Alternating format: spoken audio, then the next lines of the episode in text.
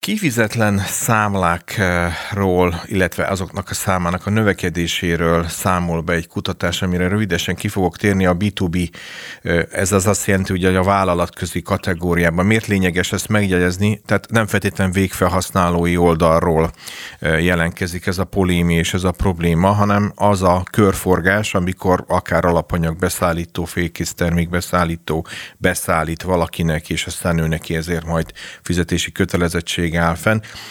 Ugye korábbi időszakokban talán azt lehet mondani, hogy jó pár évvel ezelőtt volt egy nagy hajrája a kifizetetlen számlák úgynevezett körbetartozások kérdésének, az talán azt lehetett mondani, hogy fókuszában elsősorban az építőipar szerepelt. Most nagy általánosságban lehet azt mondani, hogy valamilyen fajta tendencia megfigyelhető az előző évi vagy előtte lévő évek időszakához képest, hogy nőttek a kifizetetlen számlák.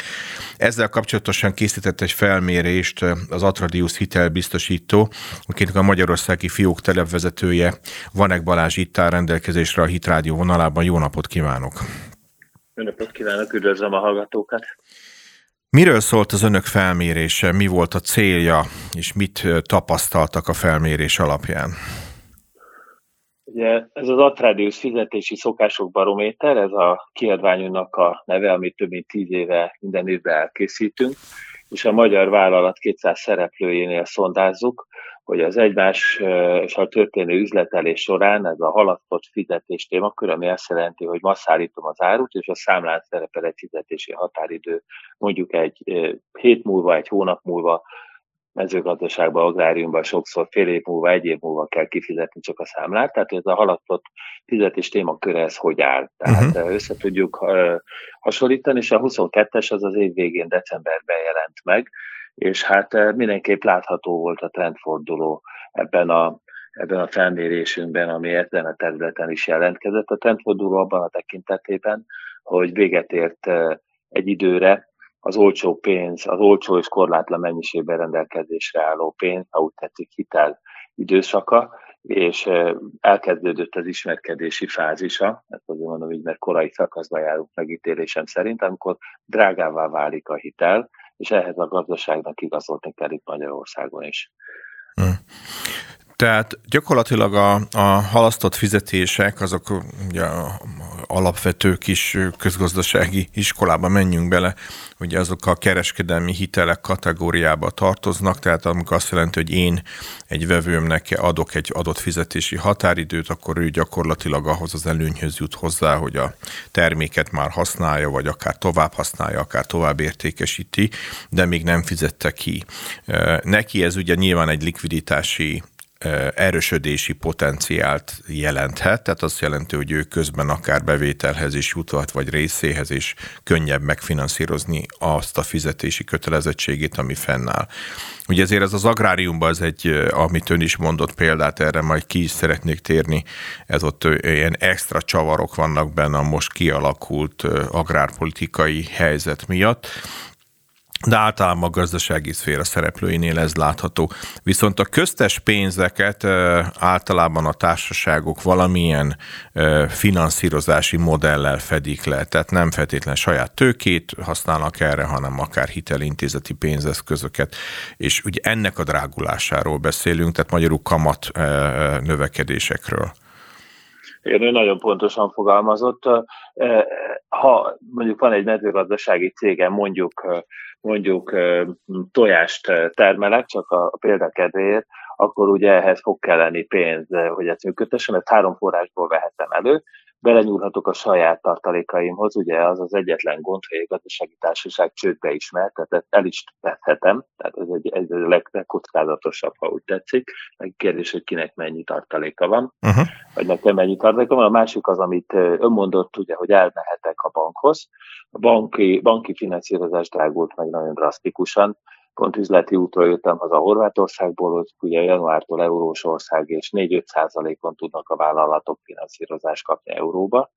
Nálunk ugye jelenleg ez 15-20 százalék, ez a hitelkamat, és forintban, ami azt jelenti, hogy ugye látjuk, hogy a forint milyen komoly hullámvasúton van. Most én nem is bocsátkoznék ebbe előrejelzésbe, de egyszer fönt, egyszer lent, nagyon egyszerűsítve, és semmi okunk nincs azt gondolni, hogy ez még nem lesz így is, meg úgy is a közeljövőben. És a harmadik lehetőség, tehát van a saját pénz, a banki pénz, ugye, ami, ami nagyon abból a szempontból nehéz, hogy a bank erőfölényes. Nagyon jól fizetett szakemberei vannak, szokva vannak ahhoz, ha valahol gond van, akkor ha úgy tetszik, a bank jól jön ki ők így vannak szocializálva, biztosítékaik vannak, tehát nem erő, erőfölényes a bank a hitelfelvevőhöz képest, ez mindig is így volt, és az utolsó lehetőség, hogyha egy vállalat egy másik vás, vállalattól vásárol, ugye ezt mondtam bevezetőbe a B2B, akkor nem csak az, hogy megveszi a vevő az árut, hanem cserébe finanszírozást is kér, később fizeti ki a számot. És ez, a, ez a, az én kis példában szereplő tojástermelő cégnek a legjobb finanszírozás, mert a szállító-vevő kapcsolat az két egyenrangú fél, ráadásul ők még a jövőben is szeretnének üzletelni. Tehát ebben van a legtöbb rugalmasság, és itt nincsen kamat. Tehát ez a finanszírozás fölértékelődött, ezt nagyon is látjuk, ami ebben a felmérésben úgy jelent meg, hogy a vállalatok elkezdték késve kifizetni a számláikat a szállítói felé, tehát úgymond vagy csak próbálkoznak, tehát ez jó finanszírozás, vagy elfogyott a, a likviditás, ez a forgási sebesség növekedésében figyelhető Igen. meg 21-ről 22-re. Igen, és gyakorlatilag pont ezt akartam mondani, hogy alapvetően azzal, hogyha ez az utóbbi kedvező, hisz egy partnerségen, közös megegyezésen alapuló fizetési módról beszélünk, már önmagában is szimpatikus maga a kifejezés is, de ez önmagában belassul, sérül, nem történnek meg a kiegyenlítések, ugye akkor áll fenn a körbetartozási intézménye. Ennek a gazdasági következménye viszont beláthatatlanok.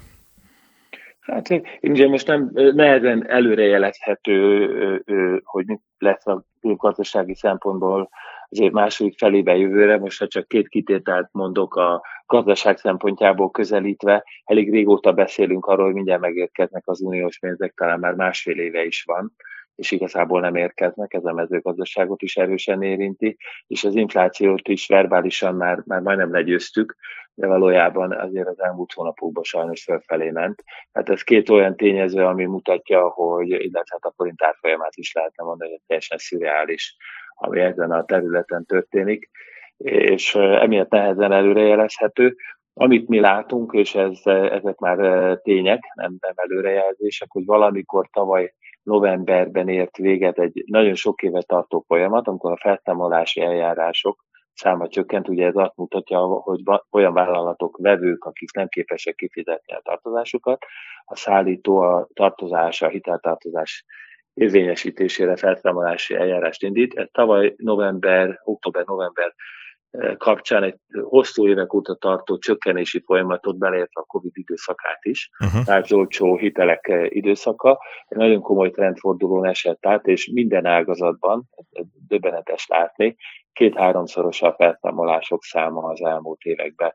Ha úgy tetszik, éveken át volt egy túlzottan indokolatlanul alacsony szám, most pedig még nem látjuk, hogy ez hova fog beállni, de ez a két-háromszoros szám, ez tükröződik a felmérésünkben is, mert tavaly november során, amikor a felmérés készül, a korábbi évek 2% körüli bedőlési arányából egy 5% körüliről az agrárban egészen pontosan 6%-ról adtak tájékoztatást a megkérdezett vállalatok. Ez azt mutatja, hogy a nem fizetés kockázata is megnőtt, és a vevők finanszírozási igénye is megnőtt. Tehát a kettő egyszerre változott, ha úgy tetszik, negatív irányba.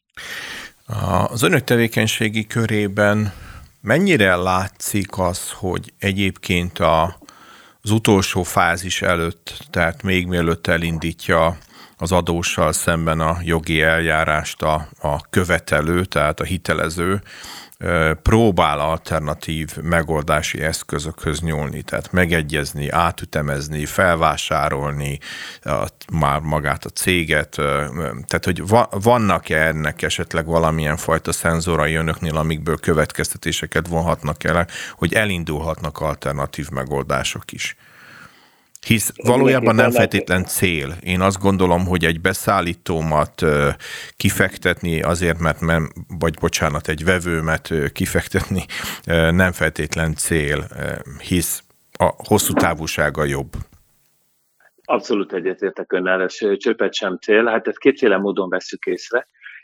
Az Atrárdis itt Magyarországon 6,5 milliárd eurót, mondjuk forintban egy olyan 2600-2800 milliárd forintot biztosít. Mi egy ilyen szürke eminenciás vagyunk a gazdaság hátterében, de a szállítók közül nagyvállalatok többsége, a közepesek megkötik ezt a szerződést, és ezzel a biztosítéki elemmel dolgoznak, de erről sok esetben nem tájékoztatják a vevőt. Tehát ez nem, nem, egy, nem egy egyértelmű dolog a vevő számára, hogy most ő rá van-e biztosítás, vagy nem. És amit látunk, az az, hogy a követelésbehajtás, különösen a jó minőségű követelésbehajtás, az most nagyon terítékre kerül, hónapról hónapra az ilyen behajtási ügyek, vannak különlegesen nagy ügyek, azoknak a behajtási ügyei, azok nagyon sok szakértelmet eh, követelnek.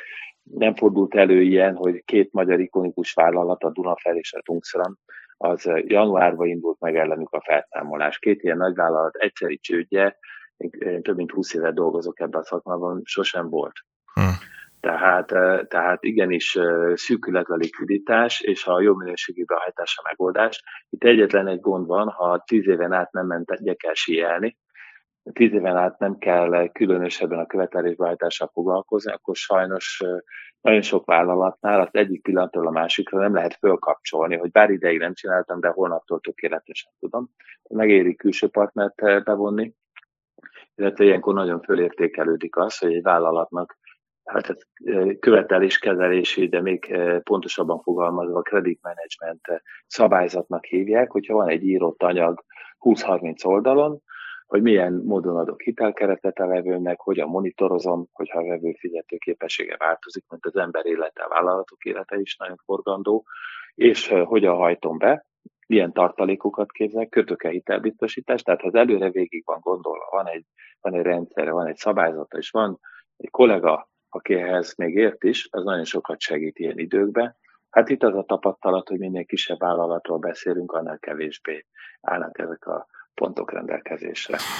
Hát ugye általában ilyen koncepcionális kérdések a mikro-kis középvállalkozásokra jellemzők, hogy üzleti terv elkészítésében is már nehézségek mutatkoznak, vagy legalábbis nem tekintik egy komoly fundamentális dokumentumnak, de aztán ezek szerint a az ilyen ö, szofisztikáltabb szabályzatok kitalálása pedig szolgálna az ő érdekeiket is. Ö, nem tudok elmenni amellett a kérdés mellett, hisz foglalkoztunk itt a rádióban is ö, agrárszakembereknek a probléma körével, hogy magára az agráriumra önök külön rálátnak-e, tudnak-e vele foglalkozni, és mik a meglátásaik.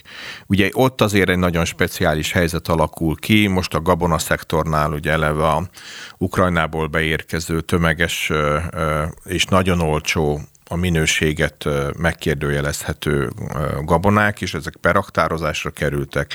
Ez ugye a hazai piaci potenciálokat akár meg is kérdőjelezheti, hisz el kellene kezdeni a földművelést és a, a, a különböző agrártevékenységeket, ehhez viszont meg forrásra lenne szükség. Hát igen, itt jó sok, jó sok kihívást említett, ami az agrárpiacot érinti jelenleg. Ez nálunk úgy csapódik le, Ugye nagyon sok céget biztosítunk itt, akár élelmiszeripar területén, akár az agrárvonalon. Hogy lehet a teljes értéklánc befolyásolhatja? Igen, gabonát termel. Hát ugye őket, ami, ami érinti, az elég sokrétű kihívások, tehát nagyon-nagyon is figyelni kell. Ez az EU-s pénzek témaköre ugye ez nyilvánvalóan érinti, hogy mikor és mennyi fog jönni, mert ugye ez be szocializálódott az életükben, hogy volt egy végtelennek vagy korlátlannak tűnő pénzeső az EU felől, mondjuk a gabona termelők felé. Igen. Bármennyire is koncentrálódott, de azért ez már beszocializálódott a rendszerbe, ez, ez nem jön. Másik dolog, amit meg kell említeni, hogy ugye ez a klímaváltozás és ennek a gyakorlati hatásai, ez nem egy elméleti, ha úgy tetszik, egy bulvárújságos sztori már, hanem tavaly Magyarországon a szokásos évi termős mennyiség egy hetede termett, és ebből kifolyólag az, az ára, a kukoricára is egy nagyon komoly hullámvasúton mozgott, ami mondjuk egy sertéstenyésztőnek óriási problémát jelentett, leszerződött egy, egy hús, egy sertés hús kilóra, és közben a takarmány ára duplázódott, háromszorozódott. Tehát ez nagyon nehéz előrevetíteni, és kicsit, ahogy a tavalyi év asszály elmúlt, most megint egy kicsit olyan, mint elfeledkeztünk volna róla, de ugye most megint fog jönni a nyár, majd meglátjuk, hogy milyen, milyen, milyen termés rész ez, tehát ez a második. A harmadik, és ez egy nagyon fontos dolog, hogy a bankok is érzékelik jelenleg ezt a rendkívül magas bizonytalansági szintet, hogy pontosan hogyan is fog alakulni a 23-as év második fele, 24-es évet most nem lehet pontosan látni. Nagyon komoly szerepe van, hogy mikor és mennyi uniós pénz fog az országba beérkezni, és ez jelenleg teljes mértékben bizonytalan. És ebből kifolyólag ugye a bankok is, ami nem ebből kifolyólag, hanem mindezek mellett a bankok is egy nagyon komoly extra profitadó mennyiséget fizetnek, veszteségbe fordultak a tavalyi év során. Nem azért mondom, hogy sajnálni kellene a bankokat, csak ha belegondolnak hallgatók, akkor ugye az van, hogy a vállalatok nem fizetési kockázata megnőtt, a bankok profitabilitása lecsökkent, miért hasonló viselkedne egy bank? Hát óvatosan. Vagy nem fog hitelt kiadni, vagy csak azoknak, akik tuti biztosak, ha meg esetleg kiad, akkor is jó drágán. Hát pedig De azt is nyugodtan kiemelhetjük, hogy alapvetően az elmúlt években az egyik kedvenc célcsoport lett a hitel kihelyezéseknél az agrárium területe, úgyhogy ez egy érdekes átalakulás, változás lehet, akár kockázati oldalról, akár termelő oldalról egyaránt. Ha már említette a várható tendenciákat, az önök felmérése az ugyanezen a mintán kitért egyfajta prognózisra is. Mi volt itt a tapasztalat, hogy nyilvánultak meg a vállalatok a várható teljesítmények és a számlák forgási sebességét tekintve? Hát egy, egy óvatos pessimizmus fogalmazódott meg ebben, tehát amit várnak az az, hogy ez a likviditási szűkösség, ez, ez fönnmarad, folytatódni fog, tehát a vevők több finanszírozást fognak igényelni, hosszabb időszakra több lesz a fizetési késedelem, és mindez az árbevételre és a profitra is hatással van a vállalatoknál, illetve ami még megfogalmazódott, hogy itt a a magyar gazdaság az egy nagyon sok módon a világgazdaságba bekötött gazdaság, és sajnos az elég világ, egész világgazdaságra igaz, hogy egy, egy recessziós hangulat van, nem teljesen egyértelmű, hogy ez milyen hosszú lesz, hogy tart, hogy nem tart, én, én arra gondolok magamban, hogy ez sem lehet sajnos pontosan tudni, tehát mondjuk azt, hogy óvatosak. Nem egy ilyen világvége hangulat van, ezt sem szeretnék ilyet festeni, még véletlenül se, hanem inkább egy, egy válság bontakozik ki az elmúlt hónapokban, nem tudjuk még a mélységét és az időtartamát, és minden válság egy alkalmazkodási kényszer. Tehát most leginkább azt javasoljuk, hogyha üzleti tárgyalásokon vagyunk, és nagyon sok az érdeklődő most a hitelbiztosításra, pontosan az itt elhangzott okok miatt, hogy nagyon érdemes újra gondolni, hogy mit, hogyan csinálnak, és hát közben az operatív ügyeket is kezelni kell. Most is van több száz millió forintos ügyünk, ahol együtt gondolkozunk az átütemezésről, hogy hogyan lehet újra hitelbe árut kapni, úgyhogy kettőt fizet, egyet kap, megy a régi tartozás csökkentésére, az újat elővesszük. Illetve hát, amit még ide el kell mondani az exportáló vállalatoknál is, hogy óriási különbségek vannak, hogy melyik országra milyen hatással van ez az egész időszak, ebben teljesen külön úton fut Európa.